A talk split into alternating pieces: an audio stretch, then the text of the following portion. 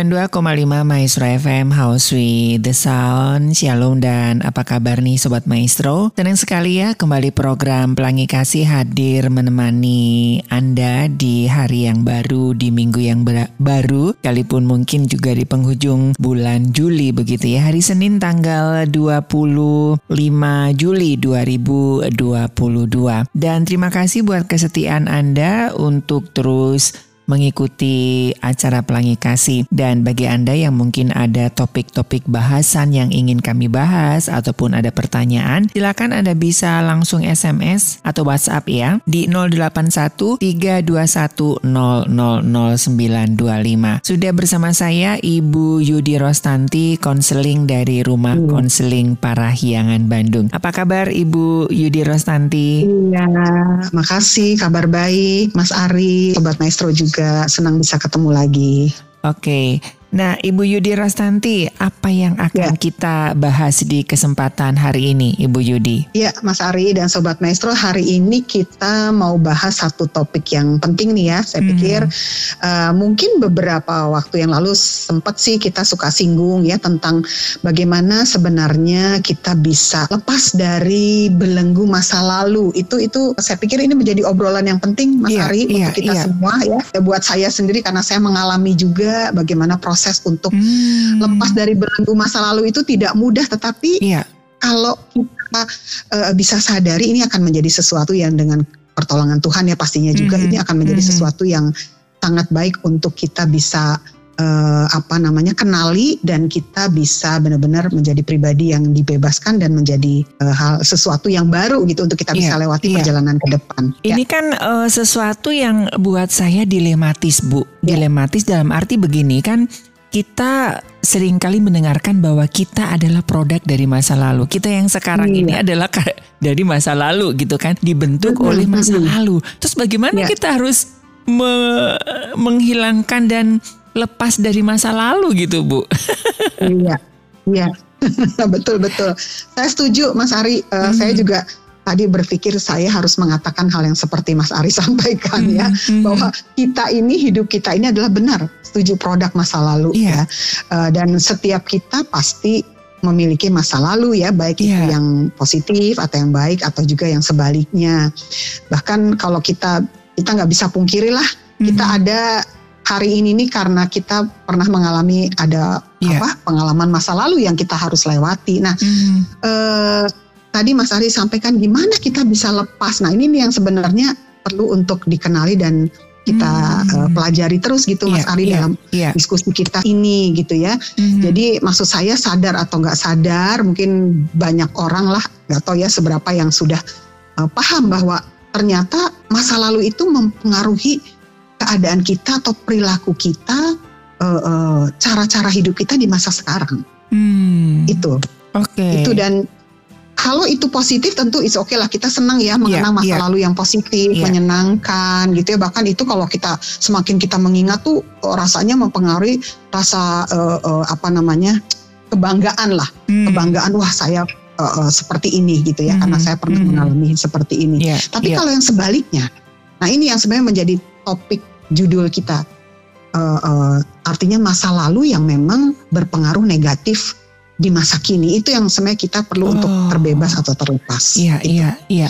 Emang ini uh, satu pergumulan ya Ibu Yudi ya. Mm-hmm. Sebetulnya yeah. sebetulnya tidak tidak hanya sesuatu yang negatif saja, yang positif juga kadang-kadang juga membelenggu kita loh Bu. Saya ada beberapa teman hmm. yang dulunya masa lalunya dia kaya raya, cantik, hmm. ganteng, gagah begitu kan. Terus okay. sekarang kan dia berubah gitu kan. Gak ya. bisa hilang dari sesuatu yang uh, apa ya, yang positif sih, masa kebanggaannya, ya. kejayaannya. Itu kan apakah ini juga uh, harus dilepaskan, Bu. ya, ya. ya. Sebenarnya Mas Ari, artinya yang terpenting gini ya, perjalanan hidup kita kan kita nggak bisa mundur ya. Artinya kalau mm-hmm, kita mungkin mm -hmm. tadi temannya Mas Ari itu wah dia bergelimang harta, diberkati Tuhan di masa lalu, mm-hmm. dan ternyata dalam perjalanan hidup harus uh, uh, mungkin akhirnya bisa jadi sebaliknya ya yeah, di iya, masa yeah. sekarangnya, misalnya seperti itu, bukan berarti kita uh, uh, apa namanya jadi merasa bahwa harus saya saya menyesali masa lalu yang hmm. yang mungkin itu berkat Tuhan lah ya kita yeah, katakan yeah, yeah. nggak seperti itu itu okay. terlepas dengan bagaimana kita merespon sebenarnya oke okay, hmm. saya pernah punya ini itu ini itu. Saya pernah diberkati dengan berkelimpahan ya. Tapi hari ini mungkin tidak lagi. Dan yang terpenting adalah respon kita sebenarnya. Okay. itu penting. Yeah. respon untuk kita menerima bagaimana waktu kita berkelimpahan dulu. Dan saat ini kita apakah kita siap dengan menjalani hari ini sebenarnya ya? Hmm. uh, artinya pada waktu kita mengingat-ingat masa lalu yang berkelimpahan itu tidakkah kalau kita respon kita positif terima kasih Tuhan saya pernah melewati itu kalau hari ini misalnya saya tidak seperti itu ya it's okay saya yeah. menjalaninya yeah, yeah, ya yeah. nah itu sebenarnya respon betul, tapi sebaliknya betul. tadi mungkin terima kasih Tuhan dulu gini tapi eh sorry bukan terima kasih Tuhan dulu saya seperti ini kenapa sih kok saya harus sekarang hari ini seperti ini mm-hmm. ya mm-hmm. saya nggak bisa terima nih kenyataan ini dan akhirnya yeah. dia hidupnya di masa lalu terus nah itu yang sebenarnya bagaimana respon kita menghadapi situasi masa lalu baik itu masa lalu positif baik itu negatif sebenarnya hmm. ya berkelimpahan atau kekurangan ya kira-kira betul, gitu betul Betul. Dan ini sangat relate Bu dengan uh, situasi sebetulnya ini mah buat saya ya Ibu Yudi ya. hmm, silakan silakan iya. Iya, iya sangat relate gitu kan. Uh, ya itu ya. makanya saya tanyakan itu dan hari-hari ini memang saya sedang diserang dengan uh, masa lalu yang dua sih Bu ya gitu ya. Jadi antara mm-hmm. masalah oke okay lah saya udah beres dengan masa lalu buruk saya gitu kan. Tapi okay. Okay. Uh, dengan masa lalu di mana Tuhan bawa saya ke tempat yang cukup tinggi, cukup nyaman, semuanya mm-hmm. serba mm-hmm. ada.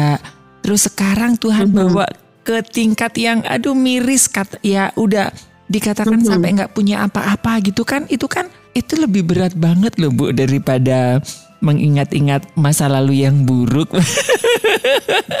Sebetulnya gimana sih Bu? ya, lebih ya. lebih ya, berat ini, lebih berat mengingat masa lalu yang buruk atau mengingat masa lalu yang baik sih Bu? ya intinya seperti ini Mas Ari. Mm -hmm. Kita sekali lagi ini saya ingin menggarisbawahi sobat yeah. maestro ya kita tidak bisa mengubah masa lalu apa pun yes, itu yes, yes. Uh, warna masa lalu kita kita tidak bisa ubah yang terpenting hari ini apakah kehidupan kita itu masih di drive mm-hmm. oleh pengalaman masa lalu kita atau kita punya kebebasan untuk menentukan hari ini dan ke depan artinya okay. contoh misalnya yang dulu berkelimpahan harta ya kan diberkati secara berlebihan tiba-tiba nih datang apa nih datang keadaan hmm. kemalangan yang besar hmm. ya habis ya kayak Ayub lah ya yeah. ceritanya ya okay. seperti itu ya kan hilang semuanya gitu ya sebenarnya ada dua hal kan yang bisa dilakukan apakah dia komplain mm-hmm. atau sebaliknya yes nah itu sebenarnya respon, respon awal kita okay. itu jadi kuncinya itu ya Bu ya itu. respon hati dan sikap hati kita itu Bu ya sebetulnya yang uh, akan lebih banyak kita bahas di kesempatan hari ini ya, Ibu Ibu Ibu Yudi ya. Iya. Oke, okay, ya, okay, penting okay. untuk bagaimana kita merespon. Tapi sebelum kita merespon kan kita harus sadar dulu dong, mm-hmm. ya kan? Iya. Misalnya yeah. gini, kita nggak sadar bahwa, tapi orang lain mungkin bisa lihat gitu. Yeah, eh, dia yeah. Sok sih misalnya dulu sih emang begitu, tapi sekarang sudah seperti ini kok masih membawakan diri seperti yang dulu ya. Misalnya contohlah yang paling gampang nih orang diberkati mungkin menjadi uh, pemimpin perusahaan tiba-tiba setelah pensiun hmm. dia kan harus belajar untuk bisa uh, apa bersikap untuk sesuatu yang baru ya tidak yeah. hidup di dalam uh, mungkin kemegahan kemewahan atau uh, tingginya situasi saat itu ya hmm. ini yang mungkin masa lalu yang mungkin masih singkat ya tetapi yang yeah. paling mempengaruhi yang kita ingin bahas adalah masa lalu yang terbentuk karena pengaruh uh, uh, di masa kanak-kanak karena itu yang oh. sangat sangat uh, dampaknya sangat besar, besar sih iya, iya. kalau kalau menurut ini ya uh, literatur ya mm-hmm. dampaknya sangat besar uh, dibanding mungkin contoh mungkin kita kita Secara bisa trauma juga gitu ya, Bu, waktu ya? kita kita ditinggal pacar waktu kita umur berapa misalnya 18 tahun ya mm-hmm. mungkin itu ada trauma juga tetapi seharusnya itu tidak seberat pada waktu kita masih kanak-kanak mengalami pengalaman-pengalaman yang pahit di masa oh. lalu. Nah itu sebenarnya yang perlu untuk siang ini kita kenali sehingga hmm. kita bisa hidup di masa kini tidak didrive oleh pola pikir masa lalu cara kita merespon itu bagaimana sih seorang anak tumbuh di tengah-tengah keluarga yang mungkin orang tuanya disfungsi ya tidak hmm, harmonis hmm. ya uh, uh, atau anak yang korban perceraian atau mungkin lingkungan yang membuli atau mungkin uh, uh, situasi tingkat ekonomi yang sangat minim nah itu semua okay. kita nggak bisa menyalahkan itu Betul, Tapi betul. hari ini, siang ini yang ingin saya ajak teman-teman sobat maestro ya di mana pun anda berada aware dulu dengan situasi misalnya saya ini adalah produk masa lalu mm-hmm. seperti itu nanti kita akan lihat yeah, iya. ternyata yeah. di ruang konseling ada cerita yang yang mungkin bisa menolong ya untuk kita bisa lebih memahami topik ini Mas Ari. Oke okay, oke okay.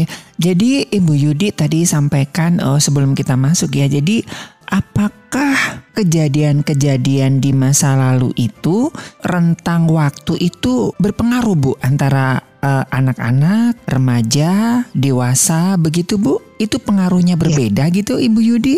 Iya, oh. iya betul Mas Ari. Jadi uh, masa lalu itu kan punya dampak yang sebenarnya yang sangat besar ya terhadap yeah. kehidupan kita nih saya ulangin lagi ya. Yeah. Meskipun kita tidak ditentukan oleh masa lalu ya, apalagi yes. kita kalau kita sudah belajar firman Tuhan yang menolong mm -hmm, kita, mm -hmm. tapi ternyata firman Tuhan itu perlu juga uh, untuk kita pahami secara mendalam dalam hidup kita ya uh, bagaimana kita bisa memakai itu menjadi alat untuk kita bisa keluar dan terbebas. Jadi hmm. nggak hmm. bisa disangkal kita tadi saya sampaikan kita produk masa lalu. Yeah. Dan kecenderungan alami kita nih adalah selalu terus menerus saya katakan terus menerus mengulangi pola masa lalu ya hmm. kebiasaan-kebiasaan masa lalu nanti saya akan kasih contohnya yeah, kecuali yeah. kita nih benar-benar sadar nih untuk memilih dan melakukan yang sebaliknya Oke. Okay. Ya, jadi di depan saya mau sampaikan bahwa pentingnya sebuah awareness. Mm-hmm. Jadi mm-hmm. pengaruh terbesar tadi Mas Ari tanyakan usia berapa. Pengaruh terbesar dari masa lalu kita itu yeah. sumbernya dari mana sih yang bisa sangat mempengaruhi? Tentu sumbernya dari orang yang paling terdekat dengan kita yaitu orang tua kita, hmm. pengasuh waktu kita masa kanak-kanak gitu ya. Jadi mereka itulah yang banyak memprogram gitu di dalam diri kita itu pada saat usia kita balita. Oke. Okay. Ya di bawah 10 tahun lah itu. Yeah. Sehingga hidup kita itu secara ya dramatis lah terbentuk di usia dini seperti itu gitu ya. Sebagai nah, pondasi ini ya Bu ya, seperti iya. kalau uh, desain apa seperti orang buat bangunan atau baju itu udah Betul. udah udah desainnya udah di situ ya Bu ya Betul. di masa-masa iya. 0 sampai 10 tahun itu ya. Iya. Ya, okay. paling ya balita lah enam tahun atau balita. Mm -hmm. Jadi mm-hmm. sekitar mm -hmm. akhirnya kita bertumbuh nih besar. Nah, sekitar uh, kalau orang melihat siapa saya ya, siapa okay. Okay. hari ini Mas Ari, siapa hari ini Bu Yudi.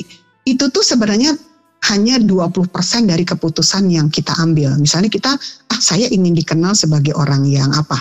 Misalnya yang sabar misalnya ya. Mm -hmm. Saya ingin dikenal sebagai orang yang murah hati misalnya. Nah, itu kita saat kita berpikir tentang hal itu, itu tuh membentuk diri kita hari ini, tapi itu cuma 20% sebenarnya okay. dari pilihan yang kita secara sadar ambil. Hmm. Nah, sisanya yang 80% itu itu yang membentuk diri kita hari ini itu datangnya dari dalam. Oke. Okay. Kalau mungkin sering dengar unconscious ya, hmm. dari dalam hmm. akibat hmm. dari mana? Dari pemrograman pemrograman yang kita tidak ingat itu okay. yang yang waktu masa kanak-kanak itu yang yeah, yeah. akhirnya kita masa lalu kita tuh secara dramatis ya yang yang kita diprogram nih dari usia di bawah eh, saya di bawah 10 tahun tadi itu sangat ini kan kuat mempengaruhi yeah. kehidupan kita yeah, yeah. yang 80% yang unconscious itu ya Sehingga Mhm. contohnya lah, misalnya seorang anak yang tumbuh mungkin melihat gimana relasi papa mamahnya.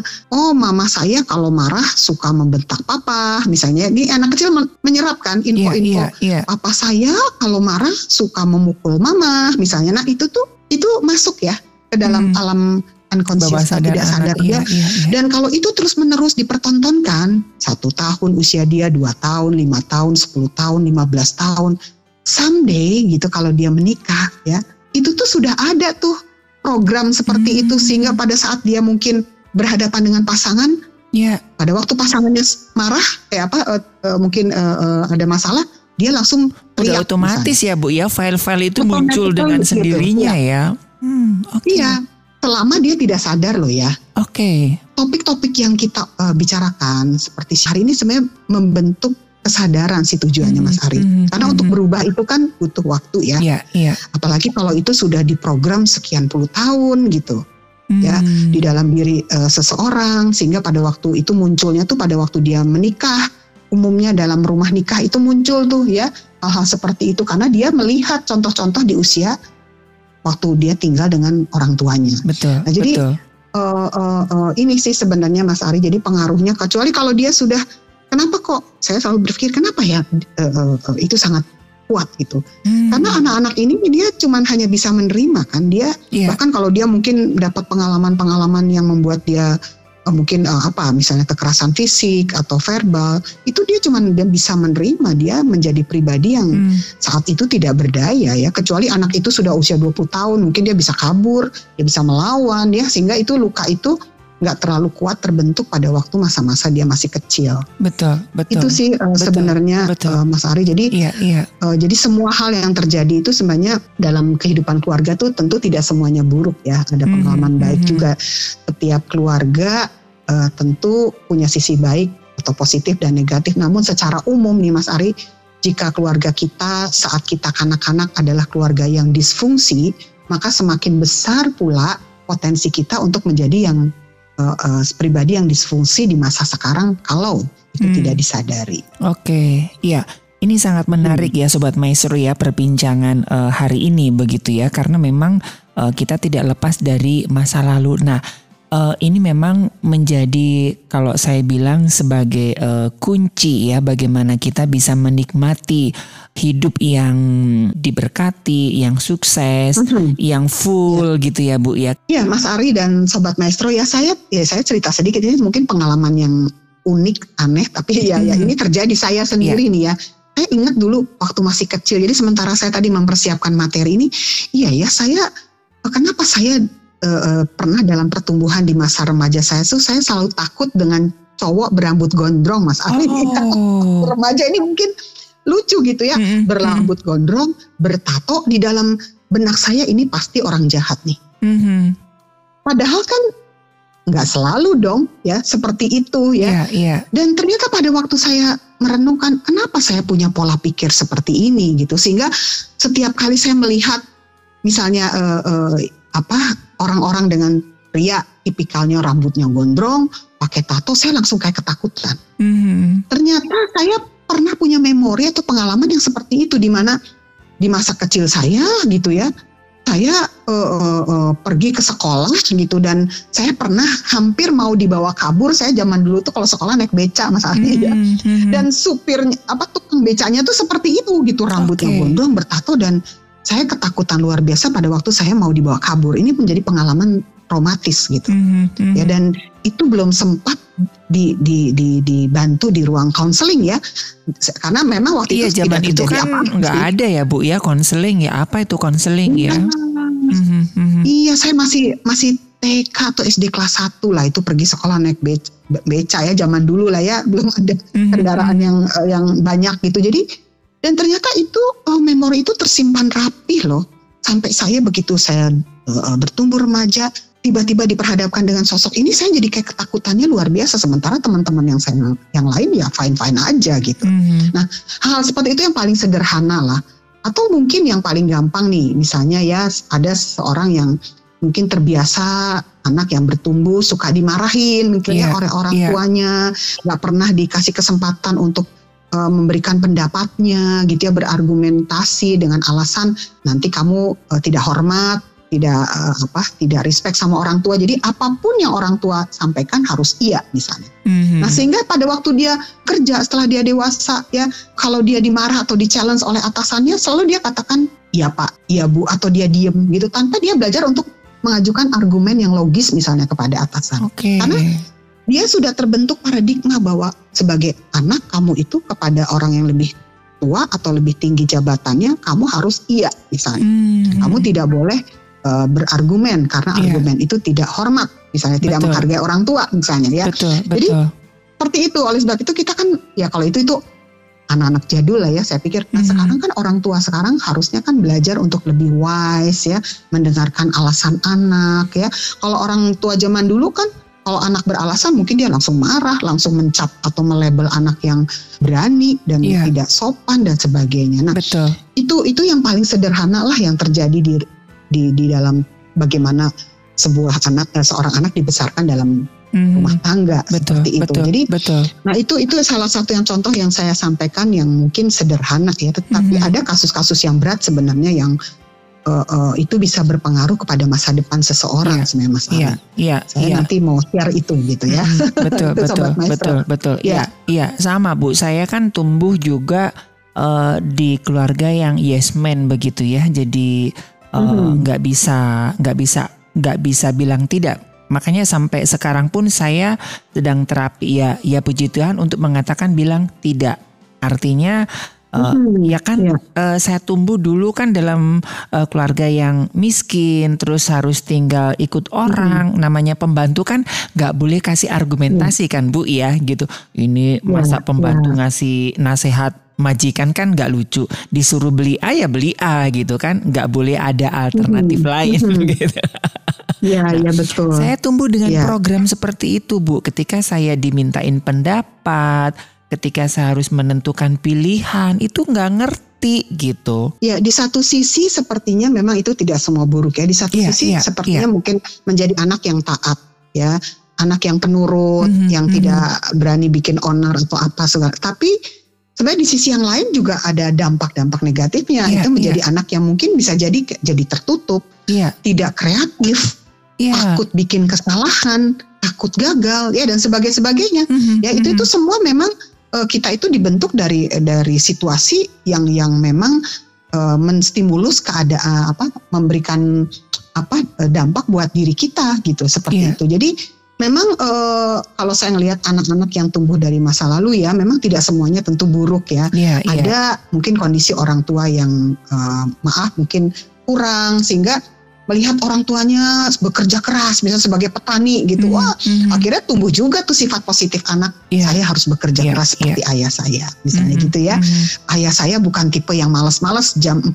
pagi sudah ke mana ke sawah ke sawah mana misalnya gitu seperti ya. itu ya mm, sehingga mm. itu juga tentu tidak semuanya kita perlu balance juga ya yeah, ada juga yeah. yang positifnya betul, betul. tetapi yang paling mengganggu sebenarnya adalah lebih kepada bagaimana belenggu yang merusak relasi kita di masa sekarang hmm. gitu. Cara kita jadi kita jadi punya pola pikir yang salah uh, merespon terhadap stimulan dari lingkungan salah ya. Hmm. Cara kita berelasi dengan pasangan juga sehingga cara kita menyelesaikan masalah juga menjadi negatif, negatif gitu. Yeah. Kalau belenggu masa lalu itu kadang orang bilangnya mungkin lebih kalau sering kali uh, istilah life trap misalnya. Mm-hmm. Bagaimana kita kayak terjebak gitu, terjebak dengan pengalaman kehidupan di masa lalu atau mungkin ada orang pakai istilah unfinished business yeah. atau inner child traps misalnya pengalaman masa lalu masa kecil yang ada di tubuh kita di masa sekarang gitu. Nah, itu mm-hmm. yang uh, sangat membelenggu ya mempengaruhi tadi saya katakan cara kita berpikir, menyelesaikan masalah, cara kita merespon. Seperti itu Mas Hari. Mm-hmm. Jadi mungkin uh, gimana sih kita perlu mengenali menurut yeah. saya yeah. Uh, ada apa sih di dalam hmm. saya hmm. kenapa saya cenderung menjadi pribadi yang apa misalnya mudah marah misalnya yeah. gitu ya nah itu itu cara kita sebenarnya mau untuk lepas nanti kita akan hmm. belajar ya Mas Oke okay, oke. Okay. Kenapa ini saya mudah tersinggung? Nah itu tuh harus dikenali dulu hmm. sebenarnya. Oke. Okay. Ya, nah uh, uh, oke. Okay. Iya. Iya, ya. jadi langsung aja Bu, kita mulai dari mana Bu? Contohnya kayak saya iya. kan, anggaplah saya uh -huh. udah terjerat nih, iya kan?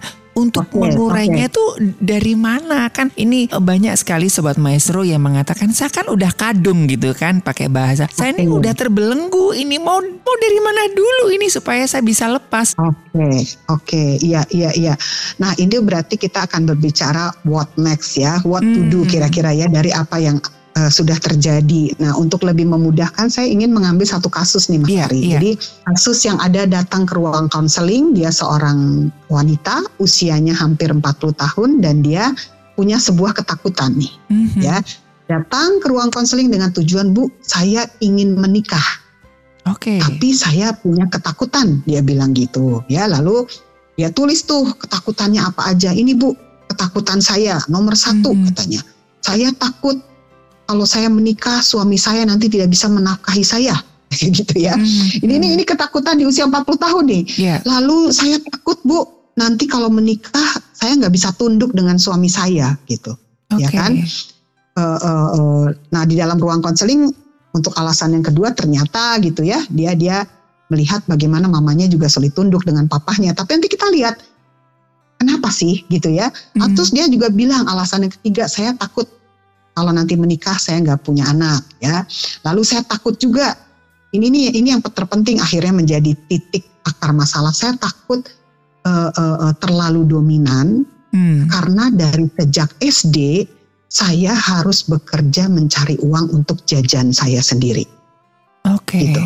Dan saya ini Bu, saya juga takut saya tidak lagi bebas. Saya nih bebas selama menjadi wanita nih sampai usia 40 tahun yang independen saya bu bisa beli rumah sendiri sekarang nyicil rumah saya juga uh, nyicil kendaraan sendiri hmm. tapi di satu sisi saya ingin menikah sebenarnya okay. nah, jadi itu yang dia bawa Mas Ari ketakutan-ketakutan yang uh, akhirnya coba saya dengarkan nanti hmm. mungkin teman-teman sobat maestro juga bisa bersama-sama simak hal apa sih yang harus kita sikapi dengan hmm. ketakutan yang seperti ini yeah. gitu yeah. ya yeah. dan uh, saya lanjut ya Mas Ari okay, ya dan okay. ternyata okay. gitu uh, dan ternyata uh, uh, ketika proses konseling berjalan gitu akhirnya dia cerita jadi ketakutan itu adalah pada saat tadi kan kita di depan sudah uh, disampaikan ya bahwa hmm. usia di bawah 10 tahun apa sih yang terjadi dengan diri saya yeah. apa sih yang terjadi dengan si wanita X ini gitu ya hmm. di dalam pada saat dia tumbuh di sebuah rumah tangga mama papanya ternyata dia itu punya banyak pengalaman trauma dan terluka di dalam batin dia pada saat dia melihat papa mamahnya, papahnya dan mamanya selalu konflik hmm. dan mamahnya selalu marah karena masalah ekonomi. Oke. Okay. Gitu. Jadi mereka oh. uh, apa melihat dia bilang papa saya ini adalah orang yang hobi pinjam duit dia bilang hmm. ya. Jadi dia papahnya selalu pinjam uang ke saudara-saudaranya tidak bisa bayar ya uh, uh, dan akhirnya saudara-saudaranya marah bahkan dia pinjam ke ke apa namanya ke bank sehingga harus datang debt collector dan saya yang harus hadapi dia bilang sebagai yeah. anak tertua ya uh, uh, padahal saya masih kecil ya kan mm-hmm. papa saya kabur ninggalin mama saya dengan banyak hutang nanti balik udah apa kembali lagi hubungannya bagus tapi nanti hutang lagi mm-hmm. gitu ya mm-hmm. sehingga saya nggak punya uang saya harus mau jajan saya jualan kue dan sebagainya dari kecil bahkan pada saat dia di ruang konseling dia menangis dia katakan ibu tahu saya harus merelakan tabungan saya, celengan saya tuh saya harus pecahin karena harus membayar hutang piutang uh, uh, laki-laki yang tidak bertanggung jawab yaitu maaf dia katakan mm -hmm. papa saya. Nah, mamahnya selalu merasa bahwa kamu adalah suami yang tidak bisa mencukupi rumah tangga. Anak-anak jadi susah untuk bayar uang sekolah ya. Yeah. Dan terjadilah konflik ya karena masalah ekonomi itu dan ternyata ya ternyata Mas Ari dan sobat maestro pengalaman yang tidak sesederhana itu gitu. Hmm.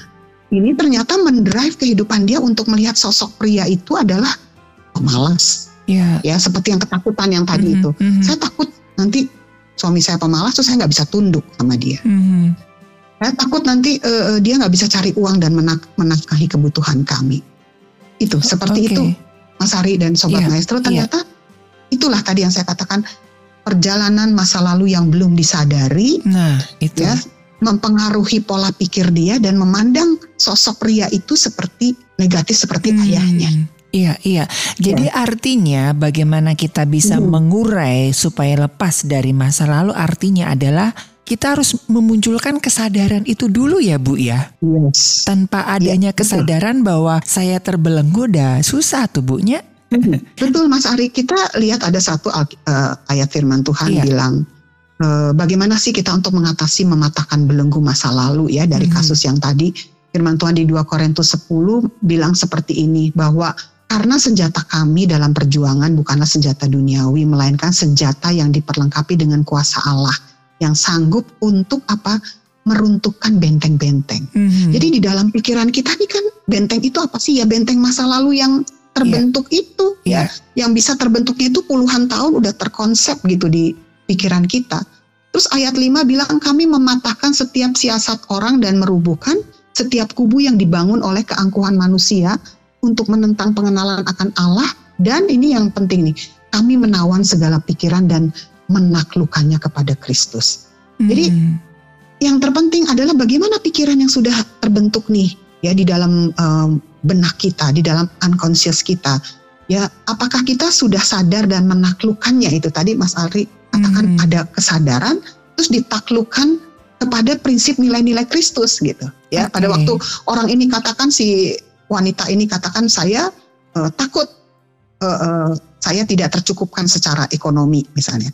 Padahal Tuhan menjanjikan ya kan kalau suami istri hidup rukun bersama berkat turun ya saya pernah sampaikan mm-hmm, itu. Mm-hmm, Tetapi betul, dia betul. tidak bisa melihat firman itu pada saat dia penuh dengan ketakutan karena pengalaman trauma dia. Mm-hmm. Nah, laki-laki, Ibu Judi yang laki-laki mah iya. seperti papa saya misalnya hmm, gitu. Betul, betul. Nah, ini yang kepingin saya tanyakan Ibu Yudi ya. Hmm. Bagaimana kita bisa memunculkan kesadaran bahwa kita sedang dibelenggu masa lalu, Bu? Ya, ini ini pertanyaan yang baik sekali menurut saya. Ya. Bagaimana kita memunculkan kesadaran? Salah satunya itu kita harus mengenali dulu kita harus punya cermin lah sebenarnya ya. hmm. ya. Kalau paling gampang nih wanita-wanita bercermin lihat ini yeah. alisnya miring sebelah enggak ya. Yeah, yeah, uh, yeah. Lipstiknya belepotan enggak. Itu kan hmm. kita pakai cermin toh. Hmm. Ya. Nah, ini sekarang cermin ini adalah cermin untuk melihat hati kita. Oh. Pikiran-pikiran kita yang salah itu kita mesti bawa cermin gitu ya kita harus aware jadi yang pertama yaitu cermin itu kan membuat kita bisa tahu kan nah sekarang mm -hmm. cermin untuk jiwa kita cermin untuk pikiran kita yang mungkin udah terkonsep salah itu seperti apa. Oke. Okay. Ya. Salah satunya yaitu yaitu tadi wanita itu datang karena dia merasa ada sesuatu yang enggak yang enggak benar nih di hidup dia. Udah umur hmm. 40 tahun harusnya sudah membangun rumah tangga ya. Dia mulai sadar, tapi saya kok takut ya. Nah, jadi ada kesadaran saya kok takut. Nah, itu itu kita harus kenali. Uh, yeah. Kenali selama ini saya seperti apa. Tentu kita harusnya di dalam Tuhan kita mulai berkaca dengan firman Tuhan ya. Hmm. Misalnya ya, kenapa ya saya kok Tuhan bilang saya harus mengampuni tapi kok saya susah ya mengampuni. Saya kok lebih dikuasai oleh kebencian, kemarahan misalnya. Hmm. Itu cermin. Yeah. Firman Tuhan cermin. Ya kan? Hmm. Makanya tadi dikatakan ayatnya menaklukkan kepada Kristus itu adalah firmannya. Melawan okay. segala pikiran dan menaklukkannya. Jadi kalau yang pertama harus sadar kita harus menawan pikiran dan menaklukkan kepada Kristus. Kenali pikiran apa yang acap kali muncul yang bertentangan dengan nilai-nilai firman Tuhan. Hmm, ya, itu dan, ya cerminnya uh, itu, uh, Ibu. Itu ya. yang ya, ya. Uh, kan teman-teman sobat maestro pasti dong mengadakan mungkin baca firman terus refleksi, evaluasi. Nah, itu itu salah satu salah satu yang bisa dimunculkan ya misalnya kenapa ya saya setiap melihat muka suami saya bete pinginnya marah terus misalnya gitu ya padahal dia udah berjuang untuk keluarga misalnya oh, ternyata ada kebencian ya yang tersimpan kalau saya melihat sosok suami saya kok dia mirip dengan titik-titik-titik misalnya mm -hmm. ya mm-hmm. apa saya misalnya yang suka nah itu itu harus ditemukan tuh titik-titiknya itu mm -hmm. nah itu selain kesadaran yang muncul ya karena mungkin kita apa merefleksikan diri dengan firman Tuhan mungkin juga ada waktunya kalau itu tidak bisa uh, ini ya kita bisa lewat uh, support system kita mm-hmm. sahabat-sahabat yang akan menolong kita Oke. Okay. Misalnya, lu kok, lu kok kalau gue lihat kenapa sih lu kok emosian, suka seperti ini ya, eh, suka seperti ini ya. Semakin kita bisa punya sahabat untuk berbagi, safe person, kita akan tertolong sebenarnya. Hmm. Ya, itu. Iya, iya. Kita nah, harus menceritakan. Lalu hmm. yang kedua menceritakan pengalaman-pengalaman. Kita harus berani terbuka. Tadi Mas Ari bagus sekali tuh saya seperti ini hmm. ya saya seperti ini keluarga saya seperti ini tetapi tentu uh, apa kita harus uh, mungkin kalau kayak Mas Ari oke okay lah itu sudah lewat ya masa-masa yeah, yeah, yeah, membangun yeah. keterbukaan sudah lewat sudah belajar konseling yeah. tapi buat orang yang awal ya butuh ada orang yang nyaman nih betul, sahabat betul. yang yang bisa dipercaya yang tidak ember gitu kan mm -hmm. yang bisa hmm. menolong dia Yeah. Itu salah satunya menceritakan saya kok suka punya kecenderungan apa misalnya ya. Hmm. Adiksi saya apa nih? Adik saya apa? Ya. Jadi uh, dan itu di, kita perlu mengidentifikasi, menceritakan pengalaman yang pernah kita alami ya. Uh, kenapa sih perilaku saya seperti ini ya? Tidak sehat nih ya seperti itu. Hmm. Nah, itu kita perlu munculkan itu ya. Yeah. Lalu juga kita perlu kenali sumbernya dari mana nih seperti si wanita tadi, oh ternyata pada waktu di ruang konseling, ternyata saat ini saya selalu melihat hal yang negatif sumbernya dari relasi papa mama saya, hmm. gitu ya, yang penuh dengan konflik. Uh, sumbernya dari mana saya kok susah takut nggak mau menghargai uh, suami saya nanti karena saya melihat contoh dari mama saya misalnya. Hmm. Ya, memang itu tidak bisa diubah. Sekali lagi yeah, kita yeah. tidak bisa mengubah dan menyalahkan, jangan sampai menyalahkan pengalaman-pengalaman buruk betul. yang kita terima Betul, betul. Itu. Nah itu ini salah satu. Iya, nah ini ya. kan yang sering kali uh, kesadaran itu muncul kalau kita sudah nabrak sudah ada masalah ya Bu ya. Hmm, Sama ya, kalau ya, betul. Iya, iya kalau kita jalan udah meleng baru kejedot baru oh oh iya ya saya saya baru aware gitu kan. Ya, apakah ya. apakah harus nunggu ada masalah dulu Bu kita baru Tapi kan itu yang sering kali ya Bu ya ketika masuk di ruang konseling itu kan kayaknya udah stadium 4 gitu rata-rata ya Bu ya. Betul.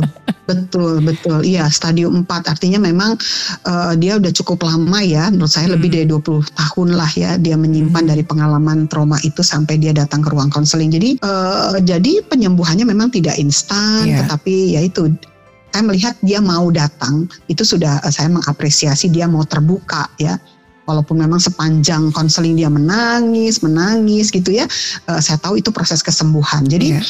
uh, kita kan tidak bisa melihat blind spot kita gitu mm, ya mm. oleh sebab itu nggak uh, uh, ada salahnya sih menurut saya pergi ke profesional yeah. atau konselor uh, atau ke psikolog ya Eh, kalau itu sudah cukup mengganggu kita sampai kita nggak bisa tidur mungkin masalah kita ya uh, sampai mungkin ada orang yang sampai berhalusinasi dan mm -hmm. sebagainya itu mm-hmm. nggak mm -hmm. ada salahnya juga pergi ke psikiater ya eh, betul, tidak betul. dosa mencari bantuan profesional menurut saya yeah, ya atau yeah. mungkin di gereja kita punya mentor-mentor rohani orang-orang yang bisa menjadi cermin buat kita Hmm. Itu juga salah satu yang bisa membantu kita untuk bebas dari pengalaman betul, masa lalu betul, kita. Betul, Dan yang betul. terakhir yaitu menurut saya setelah kita aware ya, tahu bahwa ini loh saya di sini nih gitu ya, eh, ketemu nih. Nah setelah itu kita sadar kita uh, uh, uh, apa namanya menerima itu menjadi bagian dari perjalanan hidup kita yang kita tidak bisa mundur, is okay gitu. Dulu saya kaya tadi temannya Mas Ari, hmm. saya berkelimpahan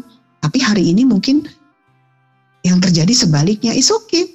Bersyukur untuk masa lalu yang seperti itu, tetapi hari ini juga Tuhan menyediakan berkat-berkat yang baru yang mungkin belum kita terima, tapi ada hati yang bisa menerima hari ini mungkin ada pembelajaran yang berharga. Jadi artinya kita tidak hidup di masa lalu, tapi kita kalau itu baik ya kita syukuri.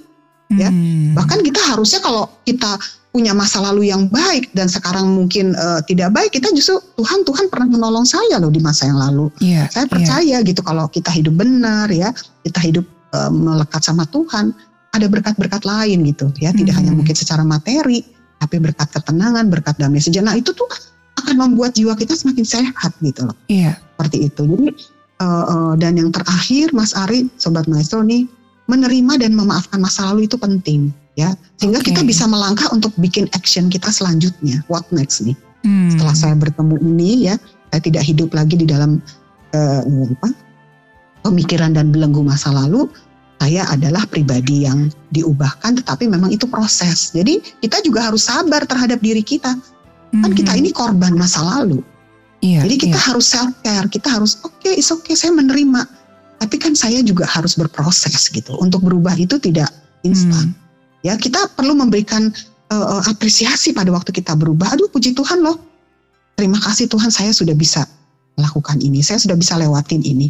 Terima Iya. kasih Tuhan buat kekuatan Tuhan. Saya mau lagi beralih ke step berikutnya. Hmm. Ya.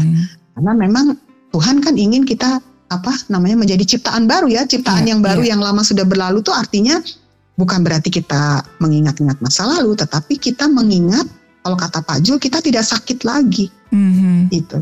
Iya. Dan kita tadi istilah Mas Ari berdamai dengan masa lalu, menyelesaikan masa lalu tuh artinya Mhm. supaya kita bisa bebas untuk Betul. menjalani kehidupan yang lebih diberkati. Betul. Saya eh, kemarin ngobrol-ngobrol ya dengan eh, komedian-komedian eh, Indonesia ya. Sekarang kan lagi rame ya lagi in stand up komedi. Jadi Mhm, eh, mhm. ciri orang yang sudah eh, lepas dari belenggu masa lalu adalah dia bisa mengkomedikan tragedi-tragedi yang terjadi dalam hidupnya dan itu mahal loh Bu ya. Dan Betul. ya saya sendiri saya sendiri bersyukur ya ternyata masa lalu yang saya yang buruk banget ternyata itu Mhm, mhm. bisa jadi modal buat saya pelayanan. Jadi orang eh, rela ngundang saya ke sana ke sini hanya untuk dengarkan cerita masa lalu saya, Bu. Iya, iya, iya. Yang yang Iya, saya dulu pikir betul. ini aib, yang saya dulu pikir ini memalukan, ternyata ini bisa jadi cermin buat orang lain gitu. Iya, Dan Iya. Eh, saya belajar da- dari komedian-komedian yang harganya mahal sekali tampil ratusan juta. Dia mengkomedikan tragedi-tragedi dalam dirinya, kehidupan-kehidupan buruk Hmm. dan masa lalunya yang perih itu dikomedikan gitu. Ya, saya saya setuju. Artinya memang eh, dari tragedi menjadi komedi lah kira-kira Hmm, gitu ya. hmm, hmm. Dari tragedi menjadi komedi itu Iya. artinya tapi ini mungkin kalau saya melihat ya kayak Mas Ari tadi tentu sudah ada proses yang dilewati Betul, gitu. betul, betul. Ada proses yang berdarah-darah dulu ya seperti wanita Hmm. tadi itu dia Hmm, menangis. Dia eh, apa berproses dengan kenapa saya harus mengalami ini itu tuh tidak instan ya pada saat dia sadar tidak langsung keluar dari rumah konseling dia langsung oke gitu ya betul, walaupun memang betul.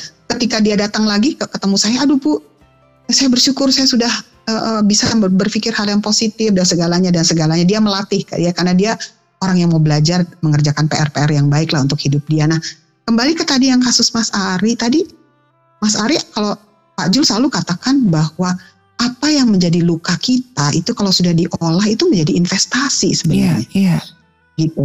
betul. Kalau betul. kita bisa mengolah ya, tapi kalau ada orang yang nggak bisa mengolah ya udah dia pahit terus ya Mhm. eh, eh, eh, apa namanya maksudnya ya pahit terus dengan masa lalu pahit Iya. terus dengan hidupnya di masa kini ya benci terus gitu ya nggak mau mengampuni terus dan sebagainya gitu jadi Iya, iya.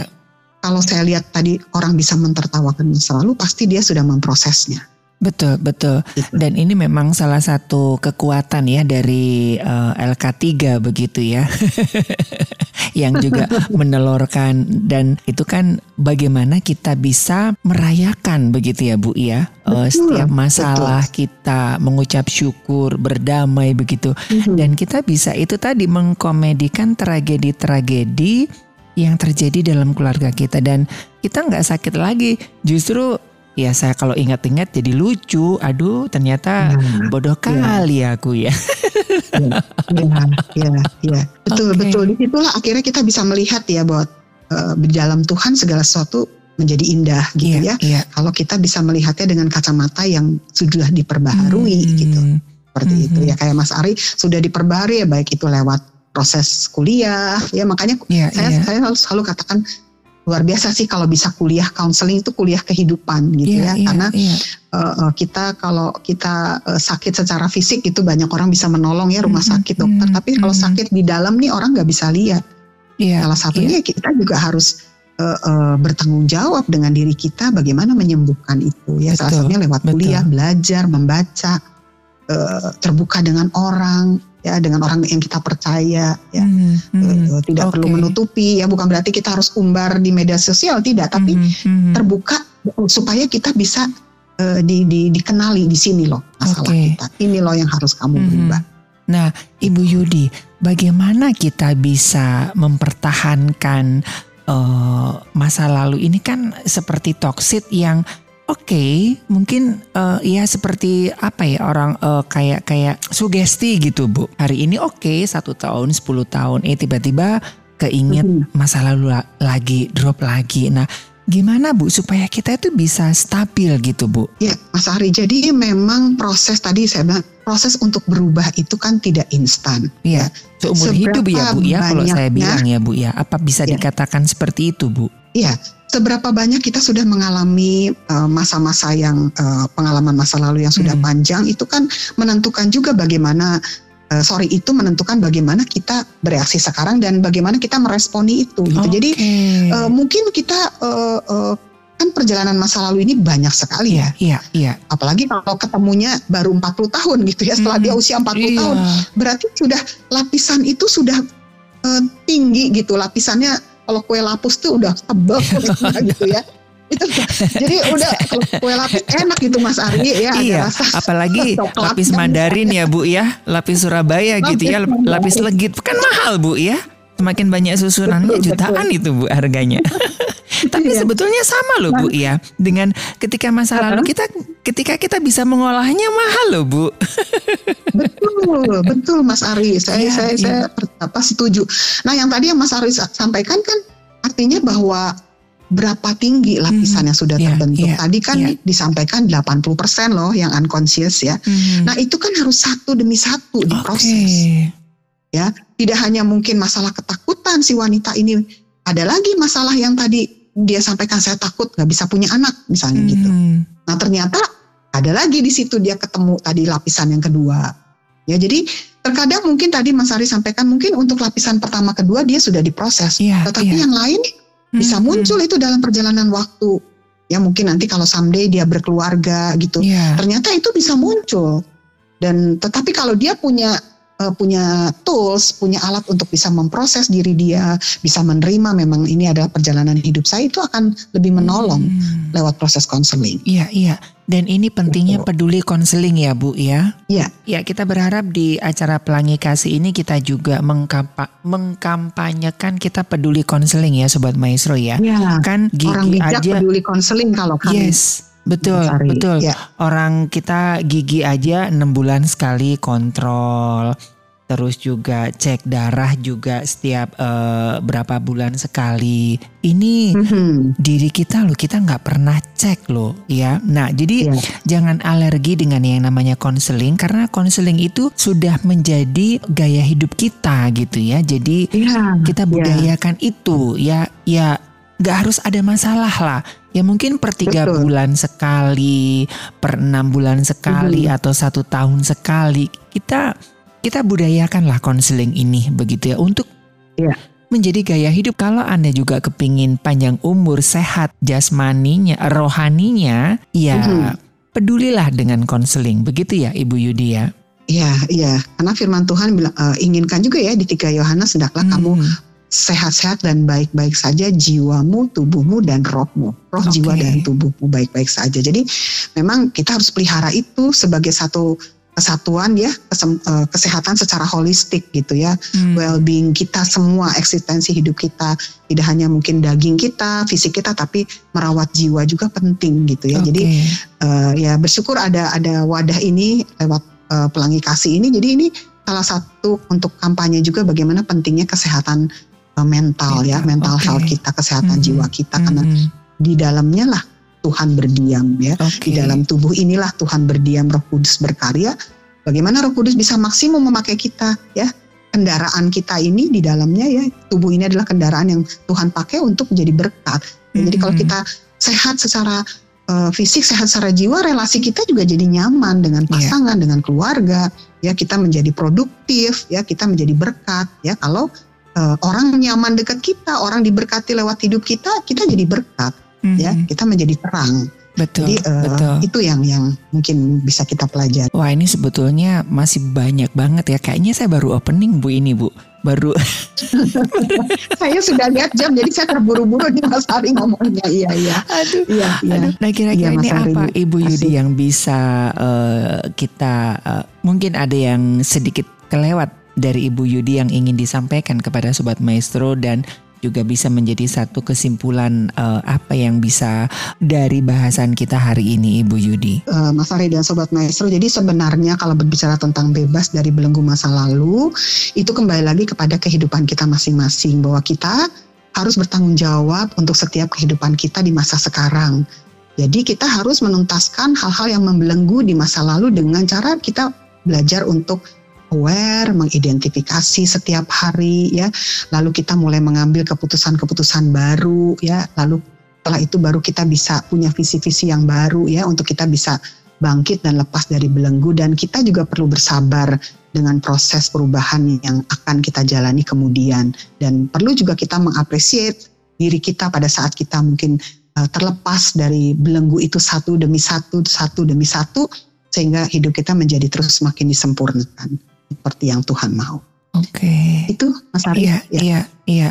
Oke, setiap kita pasti punya masa lalu ya. Nah, setiap kita mm -hmm. juga tentunya punya masa depan ya, selalu ada cinta dan selalu ada harapan ya di dalam Tuhan dan bersama Rumah Konseling Parahyangan Bandung. Baik sekali lagi Ibu Yudi terima kasih buat hari ini sudah iya. menyadarkan kita untuk bercermin Bu ya. Jangan sampai kejedot dulu baru aware. Iya, sama-sama. Makasih Mas Ari Sobat Maestro juga. Oke. Okay. Baik Sobat Maestro, jika nanti Anda ingin mendapatkan layanan lebih intens ya, nanti kami akan memberikan call center dari Rumah Konseling Parahyangan Bandung. Baik dari Gerah Maestro, Jalan Kaca Piring 12 Bandung, saya Ari dan juga Ibu Yudi Rostanti, konselor Rumah Konseling Parahyangan Bandung mengundurkan diri dari program Pelangi Kasih. Kita akan ketemu lagi di program Pelangi Kasih selanjutnya. Tetap jaga protokol protokoler kesehatan dan Tuhan memberkati.